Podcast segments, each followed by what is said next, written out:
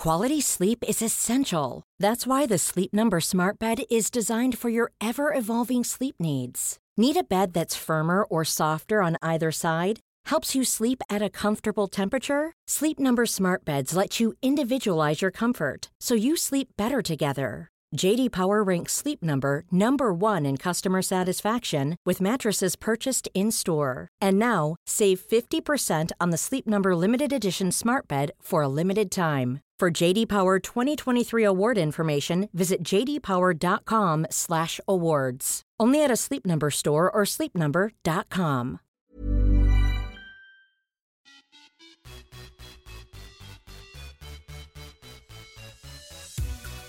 Ja, nu var det dags för ett nytt avsnitt av podden Viss och Svärm on the run med mig Josefin Svärm och Sara Viss. Och som vanligt så sitter jag i min hemmagjorda poddstudio i Motala och Sara är i Stockholm. Ja, Jag fick och jag är upp... verkligen hemma hemma. För Ja, nu, du. Ja, nu är jag, nu är jag liksom placerad i mitt hem. Nu har jag ju jobbat, jobbat klart.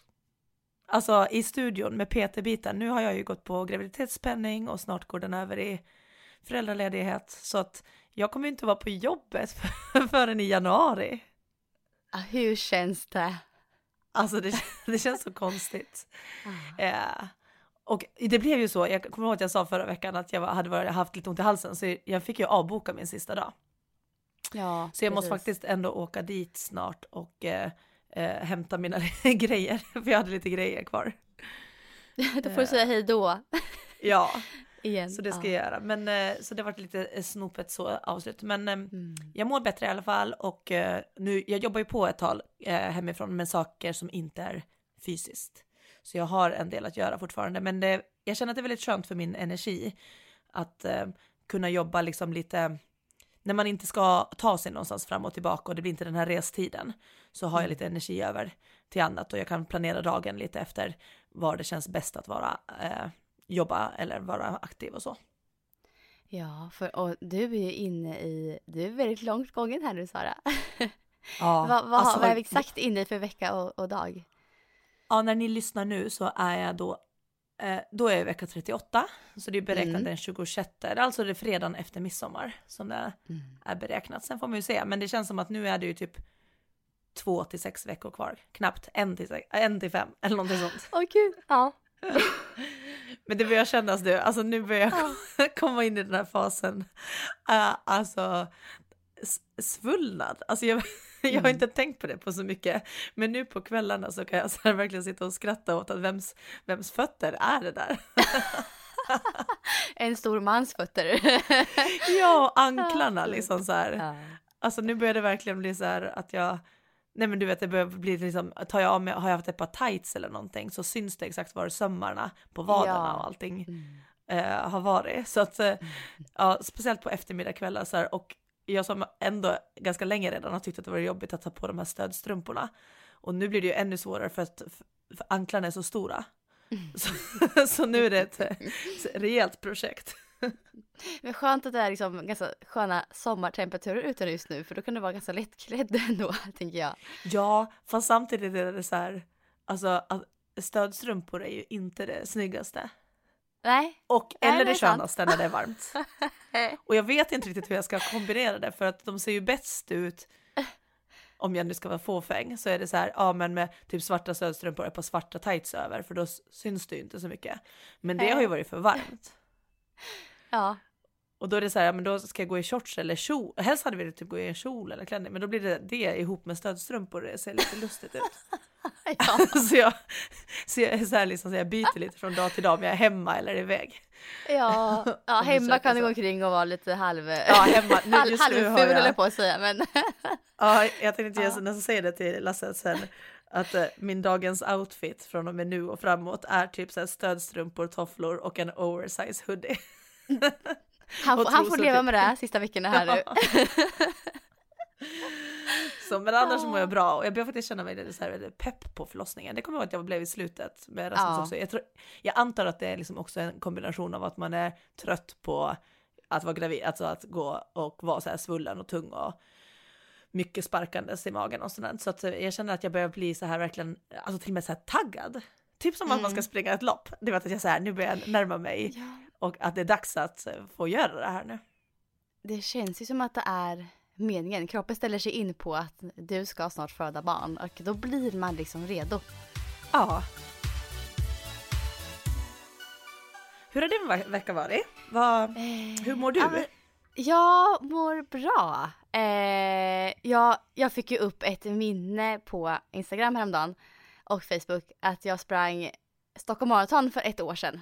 Eh, den första juni var det ju, eh, för två dagar sedan, 3 juni. Vi spelar in nu 3 juni. Uh. Första juni så var det ett år sedan jag sprang Stockholm Marathon. Och jag fick så härliga minnen tillbaka från det loppet. Eh, det var ju ett av, som du minns Sara, ett av mina bästa lopp jag har sprungit. Och det yes. var mitt snabbaste maraton.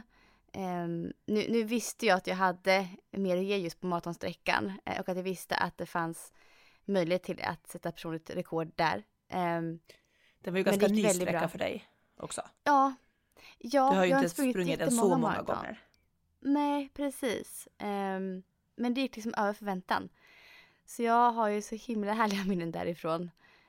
Som du säkert minns också från eh, vår poddinspelning vi hade. Eh, exakt, vi gjorde det direkt. Du fick ju knappt duscha och äta och så såg och spelade in. Så det finns ju från ah. förra om någon bara vill ha en liten eh, flashback från ett, ett Stockholm Marathon så, så får man, kan man lyssna på ett väldigt färskt inspelat efter ett personrekord och du var ju, du var ju väldigt glad. Ja, jag var ju det. Och det är så ja. kul för att det var en tjej som skrev till mig på Instagram Eh, jag tror jag får säga hennes namn här. Sofies Running på Instagram. Jätteinspirerande tjej. Hon skrev till mig eh, att hon hade lyssnat på det avsnittet för att hon själv skulle springa Stockholm Marathonsträckan eh, i lördags när det skulle varit på riktigt i år. Ah, hon så hon skulle, lyssnade hon på det avsnittet. på egen hand? Ja, på egen hand. Så hon lyssnade oh, på det avsnittet för att bli taggad. och sen så bad hon mig om lite tips och råd inför sista veckan, eh, inför loppet. Och jag gav det till henne och hon sprang loppet och presterade så himla fint på egen hand. Jag är så imponerad av henne. Um, och jag har sett fler som har gjort det här. Att de sprang faktiskt maraton i lördags. Och det tycker jag är väldigt coolt att man tar sig an det och väldigt starkt mentalt att klara det utan liksom att det är någon lopparrangemang runt omkring. Ja men verkligen, alltså bara jag tänker, bara att bestämma sig för det. Det är som vi pratade här med att vad som är jobbigast, är det väl att springa hela sträckan eller är det att bestämma sig för att göra det och verkligen starta? Och jag tänker att bara den prestationen, att bara så här bestämma sig, jag kommer att köra ändå och ja. utföra det. Sen om man skulle göra klart eller inte, alltså så här, men att man ändå har den inställningen, det, det är jag jätteimponerad av. Att man bestämmer sig så här, jag kommer att köra ändå på egen hand och att ja. ha valt det. Nej, är det är jättehäftigt. Så kom inre motivation att ändå köra. Ja, alltså, nej, jag är imponerad. Um, och jag känner liksom lite nu att, åh, nu vill jag tillbaka till den här formen. Och jag känner att jag är på väg att komma tillbaka till den formen.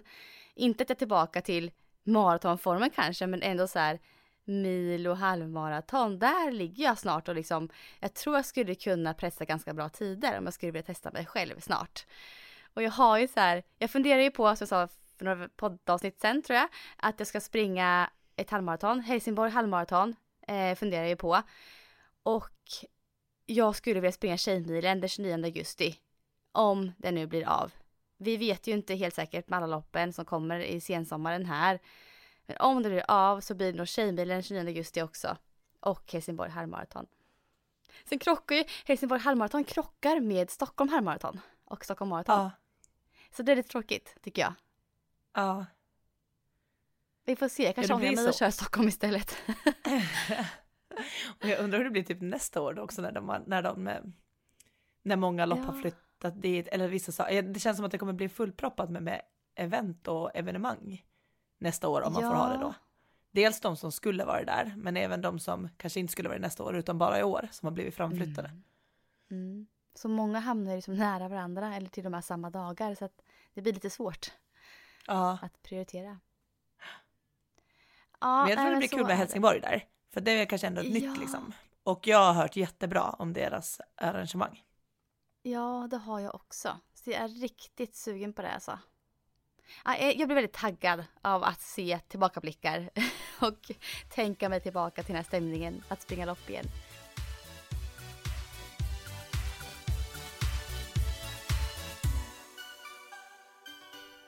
Ja, nej men du Sara, nu undrar jag lite hur, hur går träningen för dig? Uh, men nu har det varit ganska bra därefter. Jag, jag var lite krasslig då, så då vilade jag ju helt. Men sen märkte jag ju ganska snabbt att så här, att jag hade bara liksom lite ont i halsen på morgnarna, men energin var som vanligt och jag kände mig ju inte sjuk. Det gick alltid bort. Så jag började misstänka också att det var, alltså dels hade jag kanske en liten förkylning eller så, men sen eh, så tror jag att jag är ganska täppt och så, framförallt på nätterna, den här gravidtäppta svullna kroppen. Mm. Så jag tror att det blir lätt så att jag, när jag sover, eh, andas bara genom munnen. Och då blir jag som väldigt torr i halsen och det är det som också det gör lite ont på, på morgonen. För att jag kände sen ändå så här, nej men jag testar träna för att kroppen typ ville träna. Mm. Eh, så förra veckan hade jag ändå med mig, jag körde en sån tabata igen, igen sänka tröskeln, inte bara, bara liksom få det gjort. Eh, så jag körde ett helkropp tabata och sen den här veckan, nu har jag gått ut hårt så vi får se om jag får so sota för det här nu. eh, det är onsdag idag när vi spelar in, men ah. i, så i måndag så körde jag styrketräning, ett rent överkroppspass där jag verkligen alltså tog ut med, i övningarna. Det var så här, skulle jag göra typ 8 till 10 repetitioner så var det att sista varvet gjorde jag bara 8 för att det var nästan så här att jag kände att det, det blev jättetungt att göra två till. Mm. Eh, och det är ju länge sedan jag pratade om det, att jag har haft lite svårt att känna där att jag får ta i eh, muskulärt. Men då var det som att jag lyckades hitta övningar som jag bara kände, okej, okay, nu, nu är det riktigt tungt där det ska vara tungt. Inte i mm. att jag tappar bålstabiliteten eller sådär. Ja, ah, men gud vad härligt. Ja, så jag körde mycket bröstrygg, axlar och både biceps och triceps. det, det började kännas ganska rejält att jag gjorde det. Och sen så hade jag igår en träningsdate. Jag brukar ju vanligtvis eh, försöka luncha och träna ihop med min kompis Fia, heter hon. Eh, hon jobbar på Riksidrottsförbundet så vi brukar liksom så här mötas upp, vi jobbar ganska nära varandra. Eh, och då brukar vi köra ihop och det har inte blivit så mycket nu under coronatiden i och med att vi inte har varit på jobbet. Eller hon har framförallt jobbat hemifrån. Men då skulle hon vara på Bosön igår. Och, så jag tog båten eh, dit på hennes lunch. Så då kunde vi träna ihop där och sen bara äta lunch ute i fina vädret. Och då var det så att jag hade kört så mycket överkropp så då tänkte jag så här, ja men då kör jag ett rent benpass idag. Plus att jag passar på där när jag också har lite maskiner för jag tycker det är lättare att köra ben nu när jag inte behöver ha någon tung skivstång på mig eller sådär utan då kan jag sitta och göra ja. sådana bara bensparkar och leg curl och sånt i, i maskin. Men då blev det ju istället igår ett riktigt bra, bra benpass där jag liksom bara supersättade benövningar nästan. Eh, som också kändes jättebra men, eh, ja. men nu kan jag känna att idag känns det ju hela kroppen i och med att jag har kört både ett tungt överkropp och ett tungt underkropp. Fast eh, ja. anpassat på det där ben då, men det vart ju ändå tungt för mig. Jag blir så jäkla imponerad ändå. Du är vecka 38 och kör liksom två tuffa pass här i rad. Det är ju alltså, fan vad grymt jobbat. Men idag blir det vila. Idag ska jag ja. försöka, jag ska yoga lite eh, och kanske eh, vila torsdag också. Sen hoppas jag att jag ska få till simning igen på fredag. För det blev ingenting mm, förra skönt. veckan. Mm. Av någon anledning, jag kommer inte ihåg vad det var. Eh, men ja, nej, så att hittills har jag tränat på bra, men det, vi är ju bara på onsdag ännu. Men jag har ju bara som mål att också köra typ tre gånger i veckan så att jag känner att jag ligger i bra fas den här veckan. Det är onsdag och Ja, verkligen. Hur har din träning sett ut? Alltså jag har haft en jättebra träningsvecka. Ja, oh, jag är så glad. Um, när jag, onsdag, torsdag förra veckan faktiskt efter podden sådär, då vilade jag två hela dagar. Hade jag ingen träning alls. Eh, däremot så rörde jag på mig en del för jag cyklade med barnen till och från skolan. Eh, både dit och, och hämtade dem på eftermiddagen så det blev 1,6 mil per dag som jag cyklade med dem. Eh, och sen så gick jag promenad båda dagarna. Så jag rörde på mig men ingen liksom hård träning alls. Jag behövde liksom återhämta mig kände jag. Det var jätteskönt. Eh, jag tycker det är väldigt skönt att man kommit till den insikten på senare år att man, man är så fin med att bara ta några vilodagar i rad. Det är liksom, mm. det är ingenting som rör mig längre. Förr kunde det vara så här att jag fick, nej jag måste träna men jätteskönt. Så att jag hade två dagars vila. Eh, men sen vart jag jättesporrad så kom jag igång jättebra istället och körde två dagar i rad körde jag 12 kilometers eh, löpning. Eh, den ena dagen så körde jag distans till snabbdistansfart skulle jag säga. Jag sprang ganska fort där. Framförallt sista halvan så sprang jag på ganska bra, nästan tävlingsfart på milen skulle jag nästan säga att jag sprang där. Sista 6 km kanske. Oj. Sen eh, dagen efter så körde jag eh, 12 km igen då. Men då körde jag väldigt lugn distans. Jag körde samma runda. Men jag sprang verkligen långsamt. Så där kändes ju mer som återhämtning eh, egentligen. Fast det var ju ganska långt. Sen har jag provat att simma i Varamål ja, i våtdräkt. Ja, hur gick det den här gången? Eh, alltså sådär, eh, det gick bättre än första gången. Det blev meter. kanske ungefär... Det blev, det blev 500 meter totalt kanske. Oj! Men, ja, oj. men då, då, tog jag pauser flera gånger. För det, det är så här, Varamån är ju långgrund sandstrand. Så ja. att där, vi gick ut så långt, eller simmade ut så långt så vi kunde liksom fortfarande stå upp om vi ville stanna och simma längs med stranden så. Så det var väldigt bra om man är ny. Så vi simmade, jag simmade med min sambo, så vi simmade kanske Alltså bara 50 meter i sträck först och så stannade vi. Jag fick lite sådär, han kunde kört vidare mer men jag fick lite panik och sådär. Det var kallt mot, mot pannan och huvudet, alltså det var jättekall känsla först i början. Så vi stannar till där, pratar lite, simmar vidare och kör intervallform så lite, bara för att känna på det. Um, och jag kände väl att, alltså jag blir väldigt snabbt trött i mina armar och det blir inte han. Um, han är ju för sig starkare än vad jag är på överkroppen. Men jag tror att jag, jag har lite fel teknik där. Så jag behöver verkligen få in tekniken bättre så jag inte blir trött i armarna så fort. För det gör att jag måste stanna ganska fort ändå. Men vi, vi körde i alla fall. Vi gav oss iväg där. och bara men Gud, vågade. Jätteimponerande. Ja. ja men jag, men... Så jag är stolt över det. Men det kändes inte jättebra. Men jag gjorde ändå framsteg. Så jag är ändå stolt över det. Men, alltså, um, men det är ehm. inte för, alltså man, de där dräkterna, alltså jag har inte sett, de, ja. det blir vattnet som kommer in i dem antar jag värms upp lite efter ett tag så det blir lite varmare. Ja. Ja, men alltså händer och fötter och alltså det blir inte, ser man 500 meter, jag tänker man är ju ändå länge i vattnet, gör det inte jätteont i typ fötterna? Jag, vet, jag kände ingenting fötter och händer faktiskt. För att de var avdomnade? ja, antagligen. Ja, precis. Nej men, nej men alltså de, faktiskt så, alltså jag tyckte jag led ingenting på fötter och händer. Och nu är det så här, kanske var 13-14 grader gissar jag på ungefär i vattnet. Eh, men det var bara huvudet och ansiktet som jag tyckte var jättekallt först. Men inget faktiskt händer och fötter, faktiskt. Jag tänkte inte på det alls. För jag tänker så här, som om man bara ska gå ut och bada. Nu har vi ja. varit Lasse brukar bada lite och eh, Rasmus har varit ute och känt på det. Och då går jag också ut och känner, jag har bara varit ute i låren. Jag brukar annars vara en sån som badar ganska mycket på sommaren och börjar ganska mm. tidigt. Men nu mm. känner jag så här, precis som i träningen, så här att när kroppen säger så här, nej, nej, jag vill inte, då pushar jag den inte. Vilket jag annars gör, både i träning ah. och, eh, men även så här med att hoppa, man bara, äh, nu slänger jag mig bara i. Men nu har jag landat i bara, nej, jag, jag, kommer inte att pusha över den där gränsen om, om det säger stopp liksom.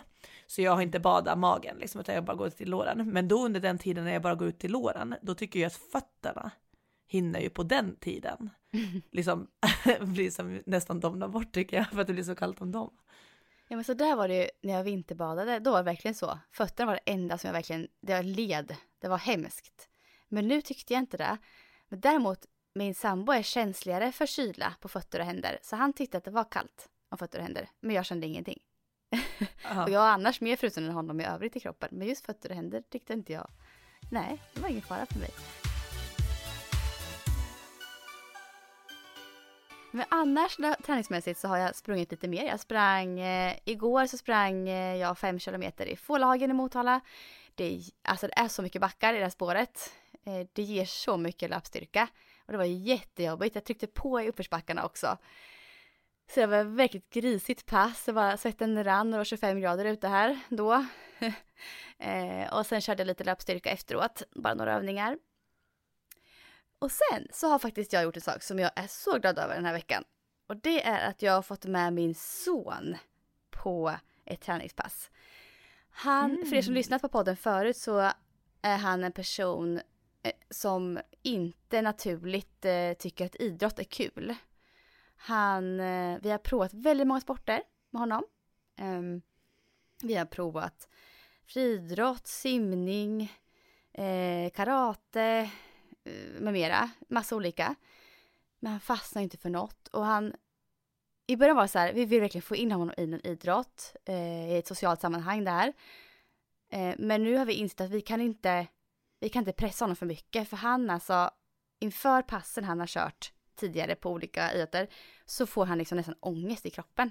Han tycker det är så jobbigt, han gråter jättemycket, han vill verkligen inte gå och vi kan inte tvinga honom. Och vi har insett att vi kommer inte kunna tvinga in honom i en idrott om han inte själv känner att det är lite lustfullt och kul. Så en sak vi har gjort nu sista tiden är att han har börjat cykla lite mountainbike. Och det är så här, det är inget arrangerat, det är bara något som han själv väljer att göra då. Vilket går mm. jättebra. Och sen så kommer han till mig själv och sa häromdagen att mamma, kan inte du och jag börja träna tillsammans? Ja, nu vill jag börja träna, för jag vill må bra, sa han. Så. Oh, men gud. Eh, så han kom till insikten själv att han ville börja träna faktiskt. Men han vill inte köra någon grupp med andra barn och någon, någon ledare, utan han vill köra med mig då.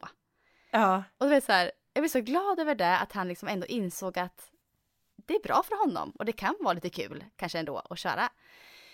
Så att nu så vill han köra med mig tre gånger i veckan, har han sagt.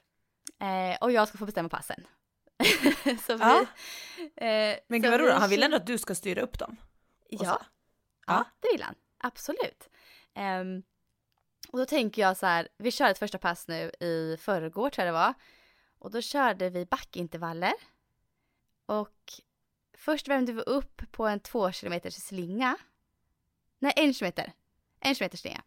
Mm. Och jag vet hur han kan vara så här, han tycker det är lite trist, han trist att springa sakta och jogga så här. Men så då joggar vi lite och så går vi lite och så joggar vi lite och så går vi lite tills vi är framme så jag. Så är vi lite varma innan vi ska börja springa backintervallerna. Så han, det började med att han liksom fick, nu har jag lite håll, du vet så här. ja, då, då, går vi lite då. Ah, nu har jag lite håll igen, du vet. Jag tror det var lite hittepå där i början. Jag kände, okej, okay, hur ska det här gå? och han bara, mamma, du vet inte vad vila är. Eller hur? Du vet inte vad vila är för något? Nej, nej, när jag tränar så vet jag inte så mycket vad vila är. Då kör jag på. och skrattade lite. Han tyckte det var kul och han förstod att han själv kanske hittade på lite att han var, liksom, hade lite håll och så, fast han inte hade det. Men han tyckte det var kul, vi skrattade och pratade lite på vägen. Och sen var vi framme vid backen. Och då sa jag att nu kör vi tio stycken intervaller här. Jag kommer springa ända längst upp till toppen. Och sen så gjorde jag markering till honom som var ungefär halvvägs. Så han fick springa kanske, det kan ha varit 50 meter kanske han sprang. Och ja. jag sprang väl kanske 100 meter då. Eh, kanske lite längre. Eh, men Ja, så drog vi på och sa jag att så, så, så går vi ner tillsammans. Så att vi behöver inte stressa ner, så kör vi igen i vår egen takt. Eh, och sen efter en intervall säger han, nej, nu går det för sakta. Så joggar han ner själv och kör tio stycken i rad själv istället. Eh, Jaha. Och det är inte likt honom. Så jag blev väldigt så här, Men, oj. Var, vet du varifrån det här kommer? Att han har liksom kommit till den här insikten? Vet, har han liksom pratat med någon, sett någon eller gjort något? Alltså, vet du varifrån, ja, alltså, var den här vändningen kom ifrån? Eller kom, kom den jag bara? Tror, jag tror de pratar i skolan om hälsa. Mycket Aha. nu, har jag förstått. Eh, och jag tror han bara förstått så här att kroppen mår bra av att röra på sig och äta bra mat. Du vet så. För han säger också så här, mm. nu vill jag börja bli lite mer så här ordentlig med maten säger han. Och vet du, jag tog massa grönsaker idag i skolan. Du vet, så att det har kommit där också lite. Um, så han har bara så fått, jag tror det kommer från skolan, att de pratar om hälsa där. Vilket jag tycker är väldigt bra om det är så. Um, för då är det på en väldigt sund nivå. Han bara förstår att kroppen behöver bra näring och röra på sig. Ja. Ja, då tänker jag att det är bra att veta var det kommer ifrån så man också kan fortsätta kanske ha en dialog och hålla intresse mm. uppe och utan mm. att det blir en grej så här, men nu har du sagt att du ska träna tre gånger i veckan. Alltså, nej, nej, att lå, få, låta det vara på hans villkor och liksom så här. Ja. ja. Men att det ändå, man vill ju ändå att det håller i sig också så att det inte bara blir den så här att man, att det var roligt en vecka. Ja, det viktiga för mig är att han tycker att det är kul när vi kör nu. För då kommer ja. han hålla i det. Och han var glad hela tiden och efteråt när vi körde nu och var lite stolt över sig själv. Och det var liksom ingen press från min sida utan allt var på hans villkor. Eh, ja, han tyckte det var kul. så ja, ja, jag är lite förvånad och väldigt glad över det i alla fall. Att han ville köra. Ja, men för visst är det så att din dotter är typ motsatsen nästan? Ja, Ja, alltså hon, hon kan inte gå. Hon springer överallt, hela tiden. Ja. Hoppar, studsar, hjular, på händer. Ja, hon kör ju fotboll och alltså hon är ju precis tvärtom. Så att de är motsatser till varandra. Eh, vilket är intressant tycker jag. Man får lite insikter i hur barn faktiskt kan fungera olika. Mm. Ja, för Ja. Där nu är det ju exakt samma, det är samma gener, det är samma miljö. Men att Mm. man ändå kan välja, alltså sen sen är det ju också personlighet och intresse och sådär som också Mm, Just det, styr. Så. Och det Ja. blir så tydligt för det tänker jag så också nu med Rasmus, jag kommer att många så här skojade till oss, för vi höll ju på båda två med crossfit då och så var det många som sk- skrattade och skojade, så här, ja den där, Mm. eh, den där ungen kommer ju födas med ett sixpack och kommer aldrig sitta still och alltså du vet den typ av så. Som man Ja. skrattar så här och, men jag upplever eh, Rasmus ganska lugn som så, alltså han, han kan lätt så här sitta och pyssla, han kan sitta och leka med bilar länge, då sitter han på ställe, han är väldigt som, han är inte så här springer runt jättemycket så som jag kanske trodde också att han skulle eh, vara. Och om vi tränar och frågar om han ska vara med, så nu uttryckte han sig till och med så här, jag frågade i fredags när jag skulle köra Tabata, så här, Rasmus skulle du vara med och, och träna? Och så tittade han på mig så här bara, mamma, jag älskar inte att träna. och jag bara okej nej och så kör jag och så här ska han komma med och göra något litet gästspel men alltså han tröttnar ganska snabbt och så går han och gör annat så det är inte så att han själv eh, är jätte så här, fysisk. Eh, däremot har jag ändå sett när han är med kompisar, då kommer jag till förskolan och ser jag hur de bara springer runt och är så här så att jag ser att han har det i sig men att det Mm. verkar vara roligare att göra det med kompisar och sådär än så som Lasse och jag kanske tränar och att han gärna får vara med men att då gör han hellre någonting annat. Mm. Det är svårt att veta också hur alltså, det utvecklas. Han är så lite fortfarande Rasmus. Han är ju bara tre som Ja. säger, tre och ett halvt. Exakt och jag tänker att det kan gå i faser också för det, han är ju Mm. också ganska mycket, alltså han är ganska eh, tung om man jämför mot många av hans kompisar och så. Mm. Eh, och det är också en sån där sak som jag tänker att det ändras ju också med åldern. Att just nu så tror jag att han, ibland för jag ser när de springer så har han har oftast lite svårt att hänga med. Mm. Eh, och det tänker jag att det är för att han är ganska mycket tyngre än de andra. Och då blir han ju också tröttare. Och då kan jag märka att han tycker, typ så här, någon gång ibland kan låtsas trilla eller du vet när han blir omsprungen och sånt. Ja. Men jag tror att det kan ju också bara vara en fas och framförallt också att det är ty- tyngre för han att springa nu för att han är ganska tung i kroppen liksom. Ja. ja, så kan Som- det verkligen vara. Ja, men det kan ju sen bli en fördel senare att han är Mm. stark.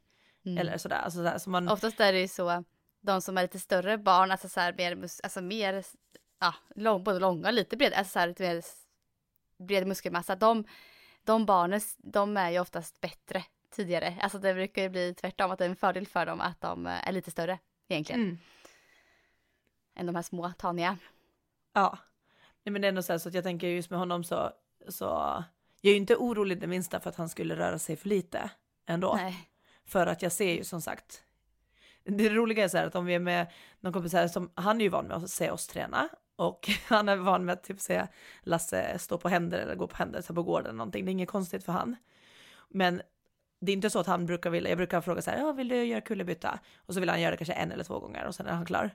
Eh, Mm. Men sen var vi på picknick med hans bästa vän och sånt eh, i helgen. Och då så stod Lasse på händer och hon blev ju så fascinerad över att Lasse stod på händer. Mm. Eh, för hon är ju kanske inte van med att se en vuxen göra det. Mm. Och då skulle hon absolut stå på händer och då skulle Rasmus stå på händer. ja. Så att det, Ja. så, och det är också så här viktigt att komma ihåg liksom att visst barn, det är viktigt att de kanske ser vad ens, att man själv rör på sig och tränar. Men Mm. det kan ju också komma mer naturligt i en annan situation bara för att det kanske är en kompis som vill göra det. Ja, precis. Jag tror så här, typ som de fallen som eh, eh, Mio, alltså han, att han inte har det naturligt i sig så att han tycker det är kul. Eh, det är naturen då att han är uppväxt i en familj där vi rör på oss mycket, tror jag. Mm. För jag tror att hade han inte varit det och att det hade varit föräldrar som varit väldigt inaktiva så hade han verkligen blivit det hela livet sen också tror jag. Så han får ändå se den här sidan att vi rör på oss och att det ändå är en viktig bit i livet. Och ju större de blir ju mer förstår de nog det att det är viktigt att röra på sig för att må bra. Så jag Mm. tror att det är bra att man som förälder faktiskt är aktiv på något sätt utan att pressa sina barn att tvinga in dem i det också men att man ändå visar att man är man, man lever ett ganska sunt eh, liv. Tror jag. Ja, det tror jag också att det är jätteviktigt. Och sen att, och så precis så som ni har gjort också, så, jag tror att det är viktigt att ha tålamod Och att Mm, visa att det finns olika sätt att träna. Mm. Eh, och att träning heller, framför, alltså, det, här är ju inte, det gäller ju inte bara barn, utan alltså, det är liksom idrott eller bara rörelse. Som du sa, att han gillar ju nu att vara ute och cykla mountainbike och det här. Mm. Att det behöver kanske inte vara den här organisera i idrotten och framförallt behöver det ju inte vara det för hälsoeffekter. Nej, precis. Jag tror många barn tycker det är jobbigt med sociala sammanhangen för mycket. Och han har varit sån sen liten också. Det här med tyckte inte om förskolan och det här och varit rädd att prata med andra vuxna. Och han tycker det är lite jobbigt att få pressen att vara social för mycket. Så skolan Mm. kan räcka för honom liksom just nu. Det är liksom nog mycket. Så får han liksom lite fristad i att träna med oss då och röra på sig på andra sätt på fritiden. Så jag tror för honom är den nivån väldigt lagom just nu. Också. Ja. ja, och jag tänker lite så här. Eh, precis så som man, man vill ju ge sitt barn alla förutsättningar. Och precis så som Mm. vi ger dem förutsättningar och har som grund att de ska lära sig läsa och skriva. Så vill man ju kunna ge dem både förutsättningar och eh, möjlighet till att också bli, få den fysiska förutsättningen. Att Mm. vill de hålla på med någonting så vill man ju att de ska kunna få göra det. Har de svårt för någonting så behöver de ju få stöd för det. Precis som att vill vi lära någon läsa så är det kanske viktigt att vi sätter oss ner och läser böcker med dem och så visar att, att det är ett intresse som vi kan göra tillsammans. Och så här, så man måste ju skapa ett intresse om det kanske inte finns där. Ja. Men att då trycka på liksom så här att du måste göra det eller att det blir för mycket så här prestation eller tvång. Det tror Mm. jag verkligen att kan gå åt andra hållet. Ja, det tror verkligen jag. Det Så att jag tror att det, det jag tror att det är jätteviktigt att liksom bara så här, ja men, ja, hur skulle vi gjort om det var en lässvårighet eller en skrivsvårighet? Mm. Och Mm. tänka lite likadant bland. Jag tror till och med att de försöker få det som en av de här mänskliga rättigheterna. Som det finns ju nu att barn ska, lära, ska få lära sig läsa och skriva. Det är ju, är ju Ja. sån mänsklig rättighet. Och där tror jag att de håller nu också på att få in den här just med eh, fysisk eh, grund och möjlighet till att eh, träna och att vilja röra på sig. Så, så har man Ah. det så ska det finnas som en rättighet att du ska kunna få göra det. Jaha, ja. Nej men det, Mm. ja, det är ju väldigt bra. Men det är så här svårt, jag tänker så här, hur har ni tänkt med, hur, hur tänker ni med att så skapa intresse för Mio? Hur har ni funderat på det? För nu hon, han är nio va? Ja, han är nio år. Mm. Ja, hur har tankarna gått? Har ni varit oroliga på vägen eller har ni, Mm. vad, hur har era känslor gått kring det? Jo, alltså vi har varit väldigt oroliga för honom periodvis för att han är ju en sån här person, en kille som skulle kunna komma i tonåren och vilja sitta och spela tv-spel hela dagarna. Alltså han är den typen eh, av kille som skulle kunna hamna där eh, om det blir för mycket. Och vi har haft den oron väldigt mycket och eh, vi har liksom pratat ganska, i efterhand så ganska negativt om kanske typ tv-spel. Fast egentligen så är det också en väldigt, väldigt tillgång och väldigt bra grej i, till en viss nivå. Han lär sig jättemycket, han lär sig språk, han lär sig strategier. Alltså jätteutvecklade på olika sätt. Men vi började nog prata lite för negativt om det när vi insåg att oj, nu, nu blir det för mycket. Han vill bara spela tv-spel och han vill inte röra på sig. Um, så efterhand så skulle vi egentligen kanske uppmuntra tv-spelandet, fast begränsat det, vilket vi gjorde såklart. Men ändå så här prata positivt om det. Och sen det här med idrottandet, att man kanske var så orolig ett tag att man liksom nästan tjatade på honom att han skulle göra någonting, någon idrott. Eh, och för honom var det lite anti då, att han inte vill göra något. Sen vart vi har vi blivit mjukare har vi märkt med tiden. För vi in, har insett liksom att det går inte att pressa någon till någonting. Ett barn kan man inte tvinga in i något, det kommer aldrig bli bra, det blir bara motsatt effekt. Så vi blev väldigt mjuka ett tag har vi varit nu, sista året, sista två åren, varit väldigt mjuka och bara känt in honom lite. Eh, och med simningen som han började med för ett tag sedan så var det, försökte vi verkligen lirka och han liksom, han sa ja till slut och tyckte det var ganska, ganska kul, han kändes ganska bra. Men så tog det några gånger, det var jättetuffa pass, eh, det var inget socialt bra alls där, ingen pratade med någon, det var bara så här i och köra bassängen, hårda pass en timme. Han var helt slut och förstörd och han grät, hade jätteångest inför varje gång. Eh, och då sa vi nej men alltså du behöver inte. Nej men alltså vi kör inte. Nej. Tycker du inte att det här, har du, har du sån här liksom blir du ledsen inför, inför passen här nu så kan vi inte köra mera. Så att vi, vi simmar själva ihop istället ibland som familj. Um, Och där insåg vi verkligen så här att okej, okay, vi ger upp den här tanken om att han ska börja i en lagidrott um, ihop med andra barn. Utan vi försöker få fram lusten på annat sätt. Och det insåg vi ganska sent, tycker jag ändå. För att alltså så här, i samhället säger ju att alla barn borde köra någon idrott. Eh, skolsköterskan på skolan säger också till mig och han är där att du måste hitta en idrott som, som passar dig, liksom, som du tycker är kul. Så han får ju höra hela tiden att han måste, ja. han är typ dålig om man inte kör en idrott. Eh, och det tycker inte jag om riktigt, att det blir den, den har vi gett honom lite också, vilket jag dåligt samvete för i efterhand. Och skolsköterskan ger den också. Man hör från kompisar på skolan, kör du ingen idrott? Vi kör fotboll och innebandy, det ena och det andra. Så han känner sig lite så här dålig där, har gjort mycket. Um, men jag tror att han börjar bli mjuk i det och ganska bekväm i att det är så nu. Och han, och vi och han har kommit till insikten att för honom är det bäst om vi bara rör på oss. Som familj och med kompisar på fritiden på olika sätt. Det är liksom mm. där vi har hamnat nu. Och han till och med själv har nu insett att jag har inte tjatat på jättelänge på honom, alltså verkligen så bara gett honom alltså free space, inget tjat om sport och allt sånt där. Där vi har cyklat mycket ihop och vi har varit aktiva utan att jag har sagt att nu ska vi vara aktiva, utan det har bara blivit av. Och nu så säger han själv att nej mamma, nu vill jag faktiskt börja träna. För då har vi inte pressat någonting. Vi har inte, liksom inte legat på honom något på länge. Och han känner själv att, alltså hans insikt har kommit nu, att det landat åt honom lite att okej, okay, idrott, det är viktigt att man rör på sig. Det är verkligen det.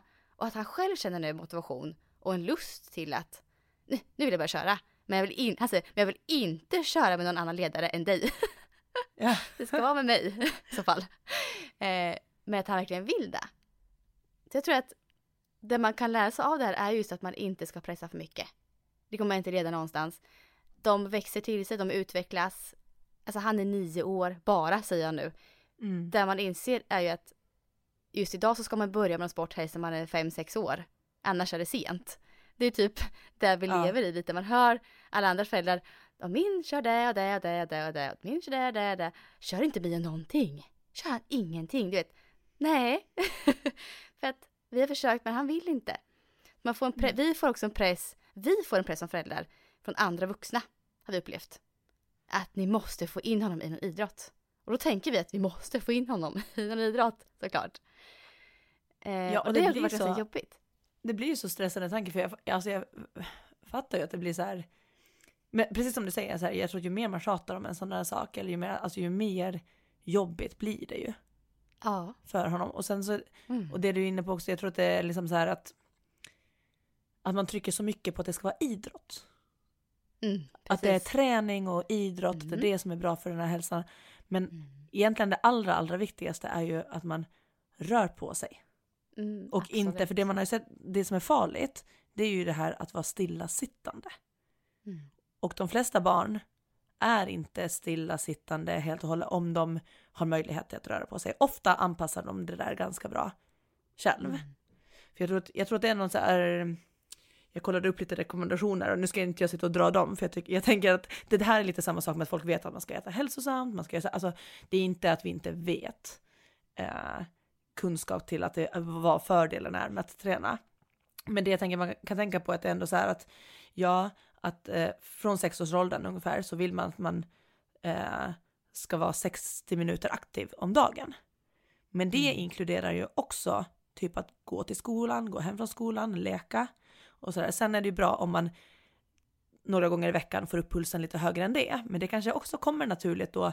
Här har man ju kanske, efter sex år så börjar man ju snart i skolan och då får man ju ändå kanske någon gång i veckan skolidrott eller att man ja. springer i kapp och går, alltså pulsen kommer ju att gå upp ändå mer än bara rörelse. Ja absolut. Jag är på skolgården på rasterna, de är ute hela tiden på rasterna och springer och leker och ja. ja. Så jag tror att bara som förälder, det som kan vara bra är att försöka tänka så här, var får vi in den här rörelsen som man inte tänker på? Som till exempel att gå till skolan, att cykla till skolan. Hem. Kanske vara ute och gå med någon hund, kanske låna någon hund och vara ute och gå med. Kanske gå en hike eller så här, eh, cykla mountainbike på, eh, på helgen. Mm. Eh, leka. Det kan vara alltså allmän, att man bara uppmuntrar till att, eller inte ens uppmuntrar utan att det, att det bara blir en naturlig del. Nej, Förstår man behöver inte säga det. Det tror jag också. Man ska inte Ja. ens liksom lägga något ord på att nu ska vi ut och vara aktiva. Utan man ska bara göra det. Ja. Så att den, alltså den där rörelsen bara kommer in och då behöver man inte tänka på att säga, ja ah, just det, nu borde du också träna idag. Utan att, och det tänker jag att det är ändå föräldrars, det är ju inte skolans ansvar och det är inte barnets ansvar. Och där kan jag till med själv bara tänka på liksom så här vad jag skulle kunna göra bättre för, för Rasmus. Det är ju som att jag vet ju att han tycker om att gå själv. Till exempel om jag, hämtar, om jag ska hämta han tidigare lite på förskolan eller inte vara så stressad till att jag ska ha en tid att passa efteråt, typ att vi ska hem med färjan eller något sånt här. För jag vet när jag har Mm. bråttom, då tar jag ju bilen. Eller så slänger jag in han i cykelvagnen. Och då blir det ju ingen rörelse för han i stort sett alls. Men om jag blir lite bättre på att planera min tid så vet jag att någon gång när jag har haft så här, oj färjan går inte förrän om 45 minuter. Och då har jag sagt så här, men han kan gå lite själv i skogen när vi går hem. Vi har, det är typ två kilometer där genom den här Lidingöloppsbanan. Och då går han ju jättegärna själv. Men det tar ju tid. Ja. Men då springer han upp i skogen och hämtar någon kotte och så han bara kolla mamma jag är uppe på den här stenen. Och, så här, och där är ju sådana rörelser som är superbra för honom. Men det är ju ofta jag som förälder som inte hinner med den. Det där, är, det, men det där är så sant. Där känner jag igen mig när vi, vi har ganska långt till skolan. Vi har Mm. fyra kilometer ungefär att cykla och det är ganska mycket backar. Men de dagarna som vi får till det här cykla till skolan och hem så får ju barnen jättefin motion bara där. Så det, Ja. Och det känner jag också ibland så att man inte hinner. Då tar vi bilen istället för nu hann vi inte det idag. Så att det skulle jag också bli ännu bättre på att faktiskt kanske cykla varje dag. Det skulle göra jätteskillnad för oss. Ja. Och, det är så här, och, och sådant kan ju man tänka att det är svårt. Det är så här, ja, men jag bor i Stockholm, jag vill inte åka, att de ska åka tunnelbana. Alltså så här, men då får man ju Mm. kanske hitta andra, så här, okej men vi kanske kan gå tillsammans till den busshållplatsen lite längre bort. Eller vi kan, alltså så här, Ja. att faktiskt försöka, hur kan jag få in det här liksom så att, det, så, så att man inte tänker på, på vad det är liksom. Eller att vi Mm. åker kickbikes på kvällen eller att vi, alltså någonting liksom. Mm. Men där får man ju faktiskt stanna upp och själv se över sin, sin struktur och liksom så kan man säga vad, vad kan jag faktiskt göra utan att pusha honom utan mer ändra mina vanor som kanske också ändrar hans vanor. Ja, och det har ju vi sagt att vi är ju lite så här tacksamma över att bo som vi bor. För det är ju, det är ju, här är det ju ingenting vi aktivt be, behöver tänka på. Att varje gång det här med att vi bär ju mycket. Eh, Ja. För vi måste bära från bilen till båten, alltså har vi storhandla, så det alla påsar ska i båten och sen ska bå, från båten upp till huset. Vi kan ju inte köra upp på garageuppfarten med bilen och bara gå in fem meter. Nej. Utan vi har ju säkert att vi ska konka på allting 100-200 meter. Mm. Eh, eller har vi varit och tankat båten så är det bensindunkar som ska med, eller allting, allting som ska ju med. Alltså när vi, du kan ju tänka dig hur det var när vi köpte vårt gym och 180 kilo vikter Åh, och en assaultbike. Och, Alltså, det är ett projekt. Men det här, är, blir också, det här blir ju vardag för Rasmus. Han vet ju ingenting annat. Så han är ju redan nu om vi har handlat, då kan ju han, man kan ju be han så här, eh, tar du toalettpappret? Och så bär han det från båten upp till huset, bara för Mm. saken skulle att han också tar någonting. Så han kommer ju få den gratis rörelsen av att måste vara aktiv för att komma hem från skolan eller, eller till någonstans. Att han kommer ju alltid ja, måste verkligen. gå mer än någon annan. Och det är ju liksom Ja. så här, det är ju någonting som vi bara fått gratis som vi är tacksamma för. Det är ingenting som vi har, kan ta cred för egentligen, utan det är ju blivit att oj, så här, så här blev det när man bor så här. Ja, och det kanske är någonting som ni typ har svurit över och typ såhär, ah vad jobbigt det här är, hålla på och greja. Men Ja. det egentligen är en väldigt positiv sak. Ni Och- tvingar er och just att för honom kommer det ju- ja, men och han kommer ju inte att veta någonting annat. nej, nej. Så jag tror att det, att det där kan vara en jättebra grej, att liksom bara försöka smyga in de där sakerna som är, ja, att vardagen får ibland vara lite obekväm. Mm. Jag håller helt med. Men Och det kanske man, gör en större skillnad än ett fotbollspass i veckan med en klubb. Alltså, ja, egentligen. ja, och framförallt just där om det inte är så bra känsla kring det här att behöva vara i Mm. lag och behöva vara, alltså sådär. Då kan man ju försöka hitta på just andra saker, liksom på sommaren nu, kanske paddla eller prova på någonting sånt och, och Mm. lära sig simma. Alltså det är ju också rörelse och aktivitet. Men Ja. jag tror liksom också så här, det här är ju en rädsla för att, att att, man, att barn ska röra på sig för lite.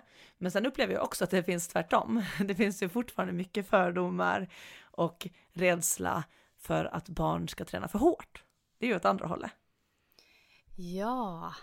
Och där tänker jag att många föräldrar lever lite kvar i det här. Framför allt upplever jag det bland styrketräning. Att styrketräning Ja. för barn är liksom ett big no-no. Det där, är- ja, det där upplever jag också. Men Ja. där känner jag så här att jag, jag har inte riktigt jättekoll på alltså, vad det är som egentligen gäller. Men du vet ju lite mer säkert, eller hur? Alltså om Ja. hur kan man tänka kring styrketräningen? Och åldersmässigt, är det skillnad liksom? När kan man börja köra? Ja, alltså jag tror att det, för det första så måste man väl tänka att styrketräning, det är inte alltid med skivstång och tunga vikter. Det är liksom på svenskan, eh, när man pratar om, och när man läser studier och sådana så översätts oftast så här resistance training, alltså motståndsträning. Det översätts oftast till styrketräning.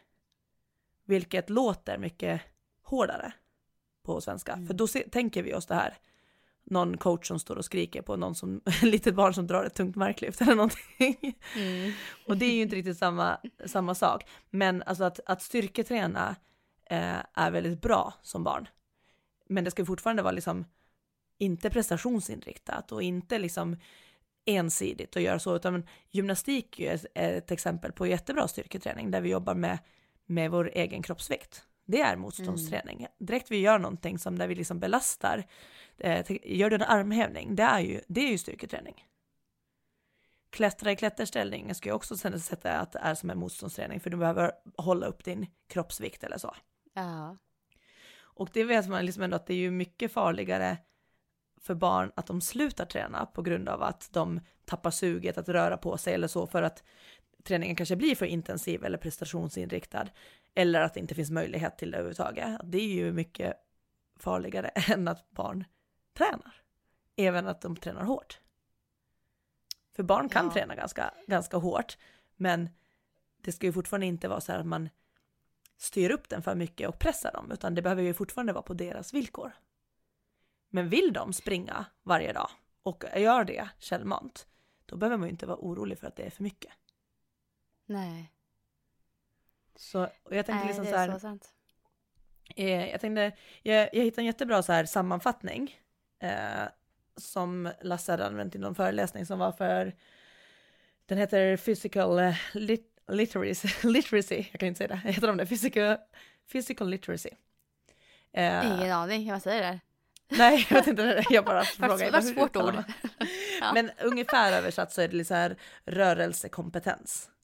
Mm. Eh, och det här kommer liksom från en, där de har liksom tittat på sport och fysisk aktivitet, hur man får det långsiktigt att, att eh, hålla i sig.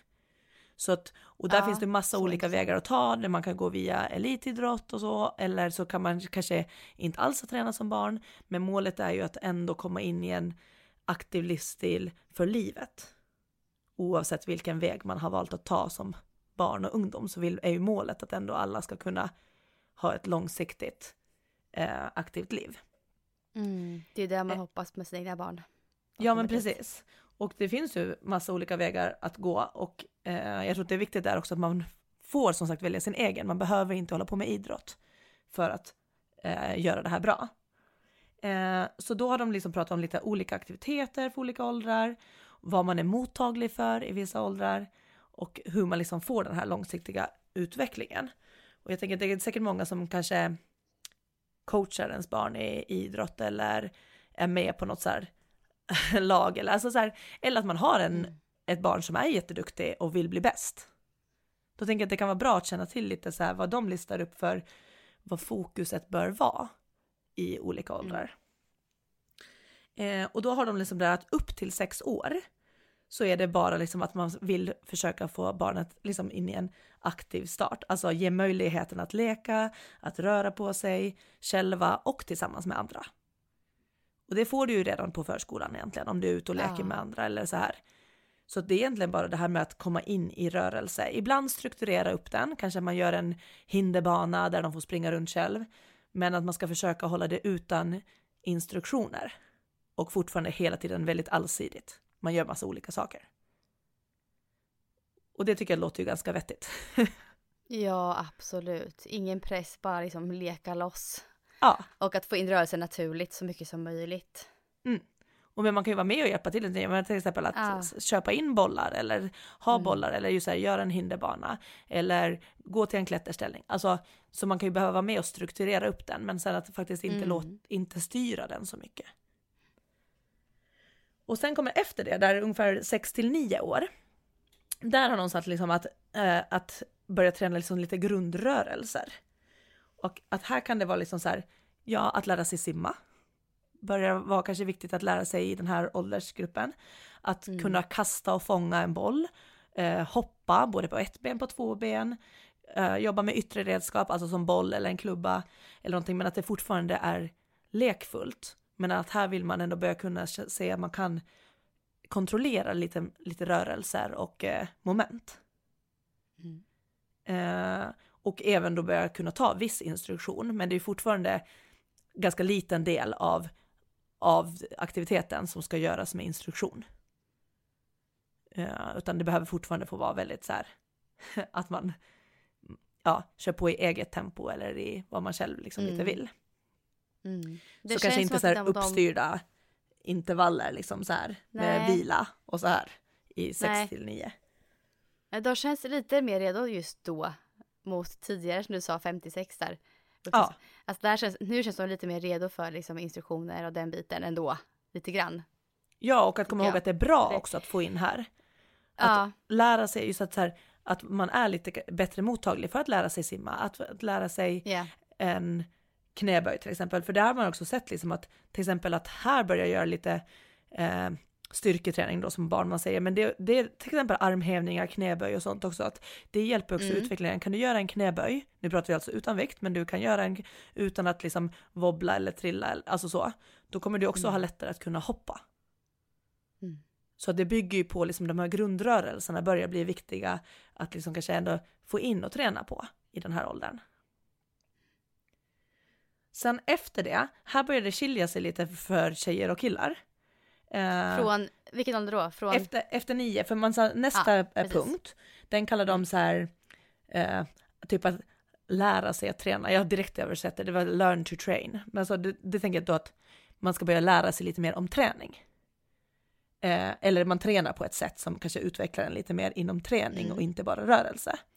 Och då sa man att eh, eh, tjejer går in i den här fasen kanske vid det är 8 till 11 ungefär, killar 9 till 13, något sånt. mm. Eh, eller nej, eller den börjar vid 8 till, 8 till 9. 8 oftast för tjejer, 9 till killar. Men nu kommer jag ihåg, det här är jätteindividuellt, det här kan skilja ganska stort. Men och den varar till fram till tillväxtspurten, alltså där man skjuter på i längden. Alltså att man växer mycket.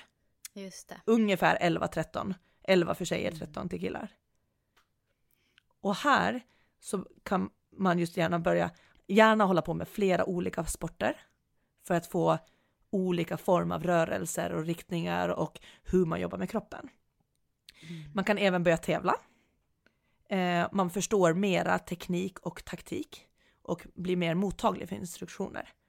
Och då tänker jag i den här åldern var ju, om, man, om, man, om du tänker på din träning när du var 8 till 11, typ. Ja. Mm. Jag kommer ihåg att det var ungefär där som jag, där höll jag på med både gymnastik och fotboll.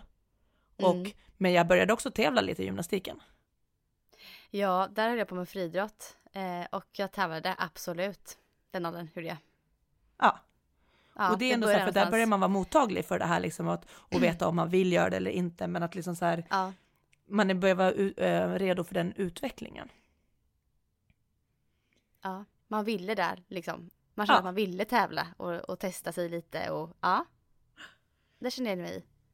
Sen efter den fasen, då kommer liksom träna för att träna. Och det är ju det här, hit behöver ju inte alla gå heller. Det här är ju liksom mer om man är kanske nu idrottsintresserad. Och känner så här, nej men jag vill hålla på med friidrott.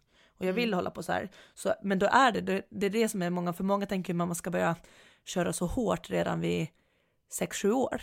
Om man ska bli något. Ja. Ja. Men här har de liksom ändå sett att, liksom att det är först vid typ tjejer 11 till 15, killar ungefär 12 till 16 däromkring. Mm. Här kan man träna på rätt mycket. Eh, alltså det stod så upp till 6 till 9 pass i veckan om man varierar sporter. Mm. Så det får inte bli Oj, för mycket ja, så här ensidigt och liksom att jag tränar Nej. bara löpning 6 till 9 pass. Alltså inte den. Eh, och det är ju ungefär här som det börjar vara eh, i senare av den här eh, fasen, alltså upp mot när tjejer börjar vara upp mot 15 och killar upp mot 16. Det är egentligen först där de börjar så ha så här kondition och styrkeutvecklingen, att den liksom blir bättre under senare delen av den här fasen. Yes. Fram, okay. Ja, och framförallt hos killar här, för att det är i slutet när de börjar Mm. närma sig 16, där, det är ju det är framförallt de som kan få en väldigt bra utveckling av kondition och styrketräning här, Ja. för att de börjar få testosteron eh, i den här åldern. Men så här kan det ändå vara en fördel att börja köra mer med fria vikter och lite mer viss specifik träning. Att man kanske börjar, börjar liksom lite känna så här, men det här vill jag bli bra på. Eh, Just det här med periodi- periodiserad träning.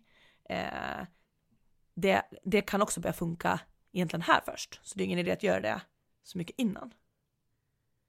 Och det är här du också kan sätta en jättebra träningsgrund för livet.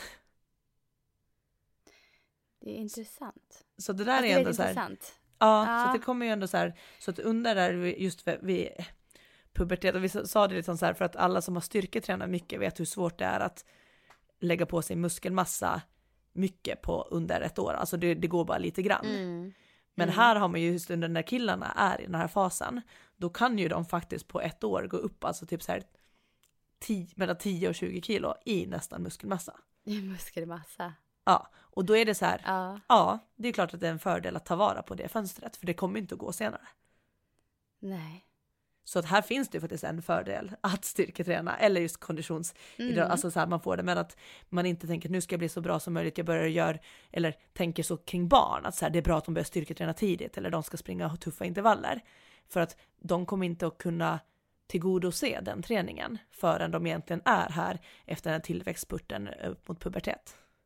Mm, precis. Så man har sett liksom just konditionsidrott före pubertet. Eh, det är liksom deras barns hjärta växer inte på samma sätt som, vi, vi, vi, som vuxnas innan puberteten. Mm. Eh, så det hjälper inte att träna konditionen hårt för att bli liksom bättre konditionsmässigt. Eh, men däremot så kan konditionsträning ha massa andra goda effekter ändå. Mm. Även om det kanske inte påverkar just konditionen så kan de ju ändå få liksom så här bättre koncentration, bättre sömn eh, och ja, det finns massa andra saker som är bra mer med. energi. Ja, verkligen. Eh, så det har man ju sett att konditionsträning hjälper även i yngre år. Och, där, och samma då med styrketräning innan pubertet. Barn blir starkare att styrketräna, alltså redan som barn. Eh, Det Mm. kan man, man kan se ganska fin utveckling på att de blir starkare, kontrollerar rörelserna bättre. Däremot så har de ju svårt att bygga muskelmassa Mm. innan. Men här är det också så här, det finns alltid de som kan göra det ändå lite grann och det är så här, så det är ju individuellt. Men i, generellt om man ser på det här så ser man att muskelmassan behöver ju också, för att bli liksom, ja, bygga volym så behöver du också komma in i puberteten eller efter liksom. Eh, däremot har man ju sett att det är väldigt, att det hjälper ju styrningen av muskler så att de får ju bättre kontroll och på så sätt blir de ju också starkare för att de lär sig kontrollera rörelser. Och att det är väldigt Ja, viktigt så- för så här, inlärning och grundläggande till att kunna hoppa, springa och, och kasta. Så att har man styrketräna så har man en fördel med rörelseförmågan. Ja, så har man kört styrketräning ändå från ganska låg ålder på alltså en enkel nivå. Man lär sig kontrollera kroppen på olika sätt så blir det lättare sen säkert att styrketräna när man kommer upp i puberteten. Att man har med Ja. sig en del eh, sen tidigare då. Och det tänker jag nu också med Mio att vi kommer köra ganska mycket kroppsviktsstyrka i min tanke med honom. Ja. Ehm, så det tror jag är väldigt bra att få in.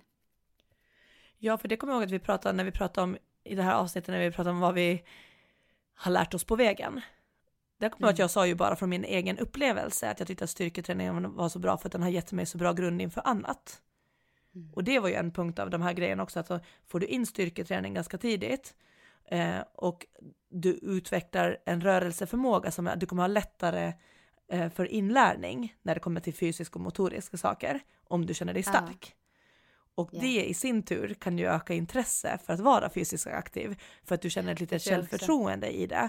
Och på så Mm. sätt kan ju det bli då att du ökar intresset och gör det mer och på så sätt så får du in det även i vuxen ålder för att du har känt dig duktig på det eller liksom så här, Ja. lärt dig det tidigt.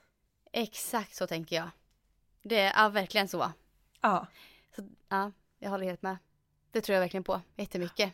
Att, för det är ju så, är- känner man sig lite duktig och lite så här, man har kontroll, man är stark. Då är det också roligare att röra på sig.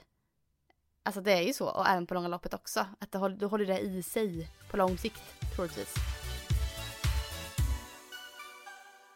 Jag tror att det bästa vi kan göra, liksom, för barn, precis som ni har gjort, liksom att testa olika idrotter, inte pusha, inte tvinga, eh, få in rörelse i vardagen.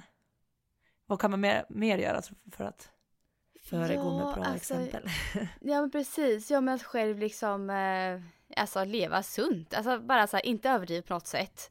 Inga förbud, inget så här, utan bara så här att man själv som, som föräldrar och som familj alltså rör på sig tillsammans. De ser att vi rör på oss. Ehm, inte prata om att plocka i maten och nej jag får inte äta det eller det. Alltså vara väldigt så här, ha en sund inställning till livet och smitta av sig av det på barnen tänker jag. Eh, och som du säger, försöka få med dem på aktiviteter på olika sätt. Men inte liksom det här att nu ska vi ut och träna.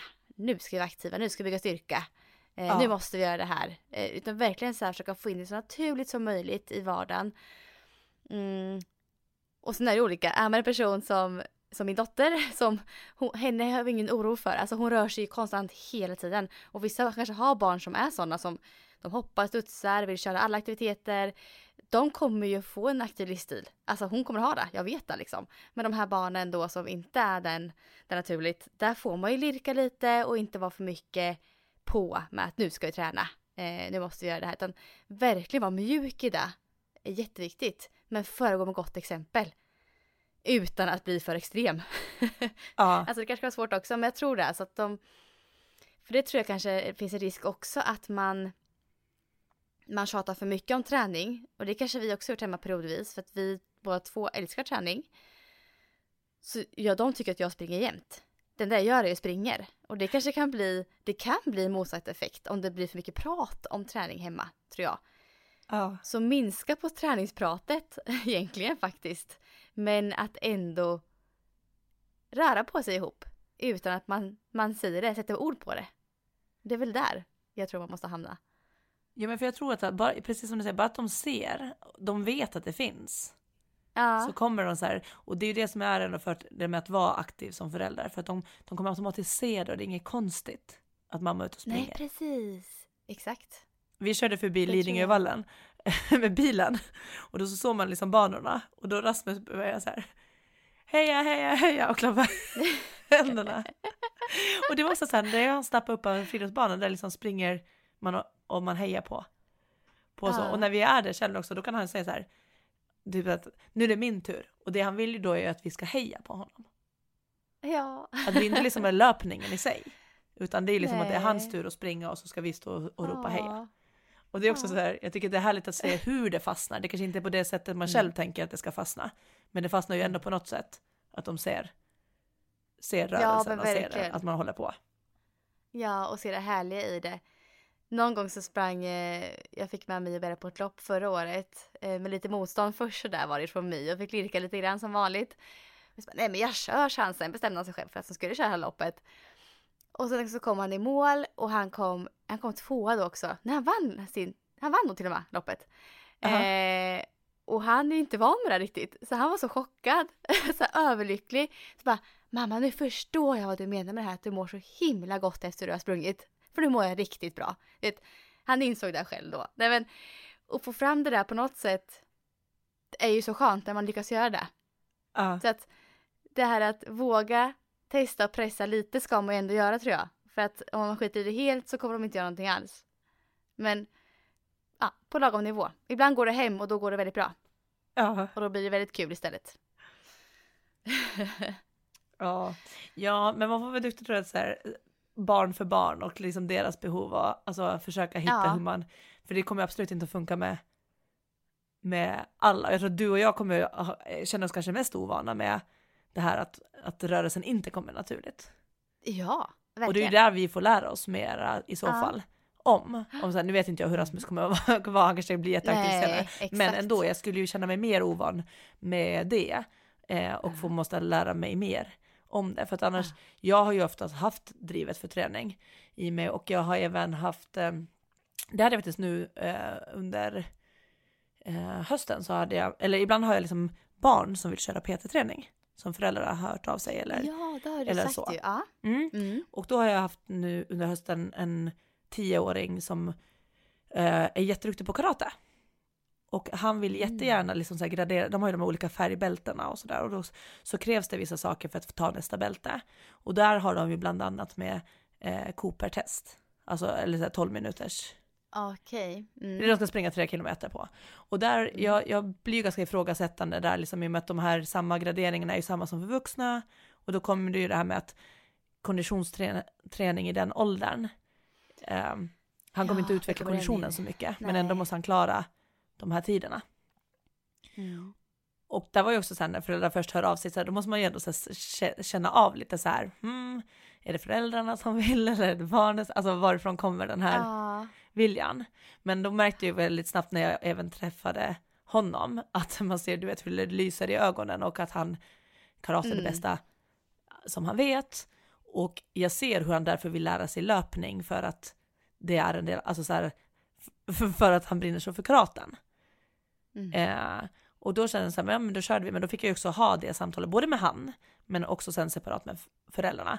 Eh, lite att så här, vi kommer inte kunna jobba upp hans kondition på det sättet, för det gör man inte i den här åldern.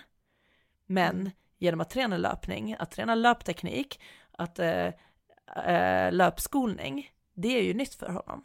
Så det är ju såklart att han kommer bli bättre på löpning och han kommer få en, kunna springa en bättre tid eh, på, ko, eller på det här tre, tre kilometers testet. Men det har ju inte egentligen så mycket med konditionen att göra. Nej. Och att Nej, då så att de förstår min träning. Ja, så att de Ja. förstår att vi kommer inte hålla på att springa eh, bara så här intervaller eh, och tuff, alltså liksom så här köra på tufft med det. Nej. Det vi kommer göra är liksom att så här, ja, vi kommer att testa ut tävlingstempot då, liksom så att han förstår hur snabbt det är han behöver springa. Mm. Eh, och träna lite korta sträckor i det tempo. Men däremot så satt vi egentligen kanske 80% av passen satt vi på eh, löp, löpskolning, olika hopp, olika liksom löpteknik eh, och lite eh, styrketräning för att bli lite starkare för han har lätt att så här, falla in med foten till exempel. Att man känner att vi behöver jobba Mm. lite med styrka i fötterna och så. För det, det är inte samma som karate där de står bara på mattor liksom och med en ganska låg tyngdpunkt. Så vi började få upp hans tyngdpunkt lite mer när han sprang. Och det var ju så roligt att se för han, alltså han förbättrade det med flera minuter.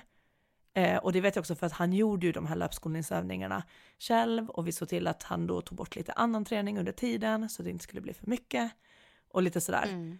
Och det var ju så coolt Mm. att han liksom klarade, tog nya bältet och verkligen gjorde en riktigt bra tid. Som jag var osäker Ah. på först om han skulle klara. Jag var så här, tänk att annars har du nästa år och sådär. Men att- det var ju så här härligt att se liksom så hur, hur vissa barn också har det där drivet. Eh, och vill Ja, lära sig ja, mer och han sög ju ja. åt sig allt och han sprang så snyggt efter, jag tror vi körde tre, fyra gånger. Ah. Och han snappade upp allt. Gud vad häftigt. Ja, så det är också lite hur man får tänka kring om Mm. man nu tränar barn. Mm. Att det går inte riktigt att köra eh, likadant som, som, i och för sig, hade det varit en nybörjare vuxen, då hade det här kunnat hjälpa den också till de här minuterna för att man bara Ja, lär sig mer om löp, faktiskt. löpteknik. Ja. Så det behöver ju inte heller vara så här bortkastat, att man tänker så här, ja men jag kan ändå inte utveckla kondition så det är ingen idé att jag springer före puberteten. Så är det ju inte. Nej, du kommer ju nej. utveckla massa saker. Ja. Ja, det är intressant. Ja, nej, det var, ja, jätteintressant. Det var för min sambo kommer att störa här precis nu. Jag, jag var tyst därför. Men han gick ut nu. Ja. Ja, men jätteintressant Sara ju att liksom ja, komma in på det här med träning för barn.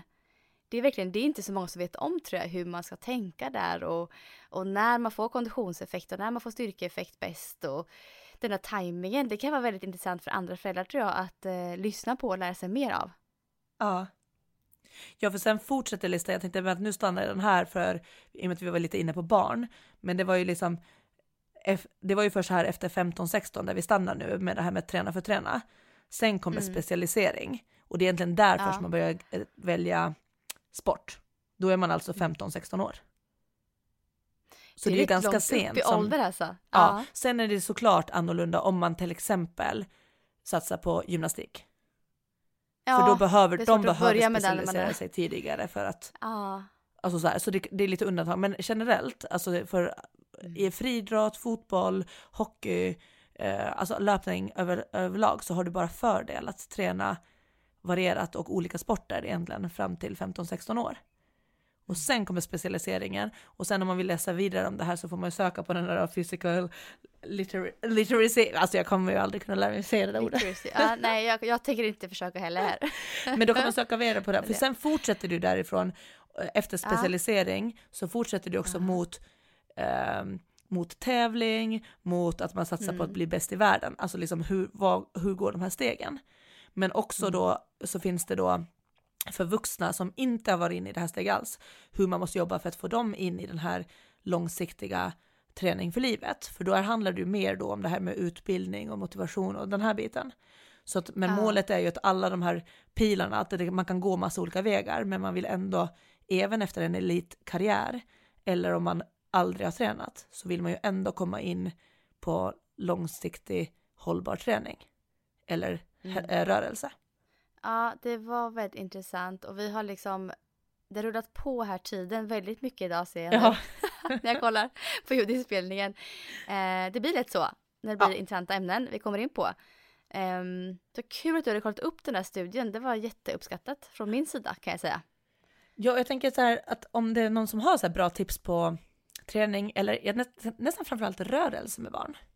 Så Ja. är det jätteroligt om man kanske kan eh, kommentera det på Instagram eller någonting så om man så har något tips om att det här brukar jag göra med barnen som automatiskt blir att de rör på sig Ah, ja, mycket. jättegärna. Så det tar man ju verkligen. tacksamt emot liksom den typ av, och då kan man skriva vilken ålder barnet är i också, kanske man kan få lite tips till sina Mm. barn.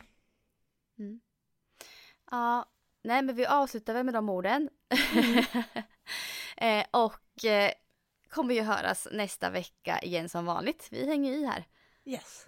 Vi får se om inte Sara föder barn då. Ja, precis. Då får ni ett specialavsnitt. Ja, då kommer ett specialavsnitt. Ja, precis. Det kommer att spelas in, vi kommer att spela in lite speciella avsnitt här framöver eh, ifall att Sara inte kommer kunna podda på som vanligt. Men det märker vi i så fall. Ja. Om det blir så. Det löser sig. Det löser sig. Ha det så bra nu Sara idag. Ja, det är så hörs vi. bra. Ja. Hej då.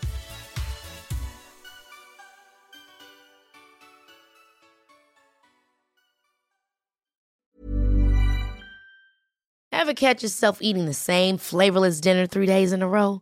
Dreaming of something better? Well, HelloFresh is your guilt free dream come true, baby. It's me, Gigi Palmer. Let's wake up those taste buds with hot, juicy pecan crusted chicken or garlic butter shrimp scampi. Mm. Hello Fresh. Stop dreaming of all the delicious possibilities and dig in at HelloFresh.com. Let's get this dinner party started.